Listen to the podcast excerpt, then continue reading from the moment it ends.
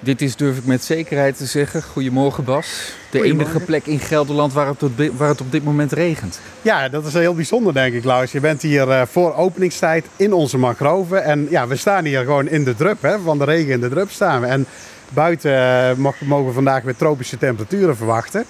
Dus uh, dat is denk ik wel heel bijzonder. Ja, we zijn in de mangroven. We lopen een stukje door daar waar het uh, droog is. Het is hier lekker warm. Het is hier vochtig. Wat, wat zijn zo ongeveer de omstandigheden? Ik denk dat je hier, uh, ja, het is een graad of 25 ongeveer, maar vooral die luchtvochtigheid is heel erg hoog. Die zit soms wel, uh, ja, misschien wel rond de 85% soms. He, dat wisselt een beetje over de dag heen. Als we een warme dag hebben, dan verdampt er overdag wat. En uh, we kunnen ook benevelen. Dat doen we ook overdag wel eens. Als we merken, er uh, zit heel veel high-tech in dit systeem. Dus als de sensoren voelen van nou, dit is iets te droog, dan spuiten ze vanzelf wat, wat nevel in. Dat is ook wel heel aangenaam voor de, voor de bezoeker. Dan krijg je gewoon een lekkere frisse bries. Maar het is ook heel wezenlijk voor dit systeem. Wat is dit voor, uh, voor systeem? Waar in de wereld, behalve in Arnhem, komen we dit tegen? Ja, mangroven zijn hele bijzondere gebieden. Die vind je eigenlijk overal uh, ja, in tropische gebieden langs de kust.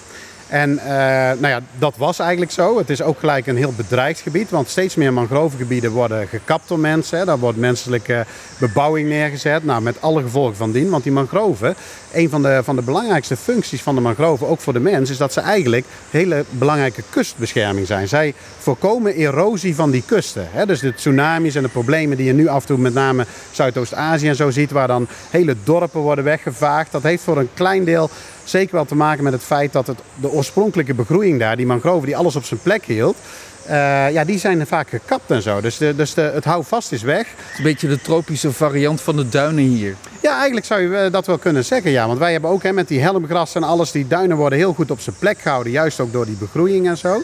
En als je dat weg gaat halen, ja, dan, dan tast je eigenlijk... Uh, ja, de, de robuustheid van onze duinen aan. En hetzelfde zou je doen met die, met die mangroven. Ja. Dus er zijn veel, veel wortels die hier uh, een belangrijke rol spelen, maar er leven hier ook in dit. Wacht, daar gaat er één. Even over het randje spieken, want hij zit hier pal onder.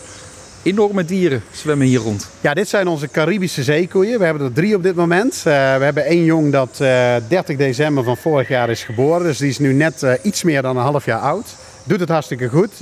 is een vrouwtje. Daar zijn we ook heel blij mee, want er zijn maar heel weinig Caribische zeekoeien in Europa. En uh, met name die vrouwtjes, alle jongen zijn van harte welkom, maar vrouwtjes zijn helemaal geliefd. Omdat er iets meer mannen dan vrouwtjes zijn op het moment. Oh, is, is dat toeval? Dat is eigenlijk gewoon toeval, ja. Want net als bij uh, de meeste dieren is het 50-50 een beetje. Hè. Als een dier geboren wordt, is het een mannetje of een vrouwtje. Toevallig is het zo in uh, de Europese dierentuinen dat er op dit moment gewoon net iets meer mannen zijn dan vrouwen. Ja. Dat kun je ooit hebben met een diersoort. En in dit geval zijn we dus heel blij dat ons jongen vrouwtje is. De dierentuin ligt aan de rand van de Veluwe. Eigenlijk ligt het er al een beetje, beetje tussenin.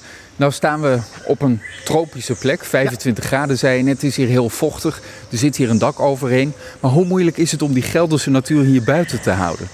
Nou, dat is soms ook wel een uitdaging. Kijk, we hebben natuurlijk onze systemen hebben we als het ware helemaal hermetisch gebouwd. Hè? Maar uh, het is meer dat je, je hebt natuurlijk allerlei uh, soorten planten zo, die je van botanische uh, collega's krijgt en zo. En daar komen bijvoorbeeld wel eens mieren in mee. Dat zijn soms ook best wel vaak tropische mieren en zo. Maar ja, er kunnen natuurlijk ook allerlei andere organismen in komen. En die moet je dan op een biologische manier bestrijden.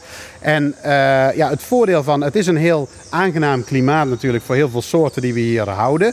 Maar ja, bijvoorbeeld uh, die mieren, die kunnen bijvoorbeeld ook behoorlijk toenemen in aantal. En dan moet je gaan kijken van hoe ga ik dit nou op een handige biologische manier oplossen. Want dat is wat je natuurlijk wilt. Hè? Want uh, ja, het is een levend systeem en je wil ze natuurlijk niet uh, op een andere manier allemaal gaan aanpakken. En je gaat kijken van, kunnen we bijvoorbeeld hagedissen introduceren die veel mieren eten?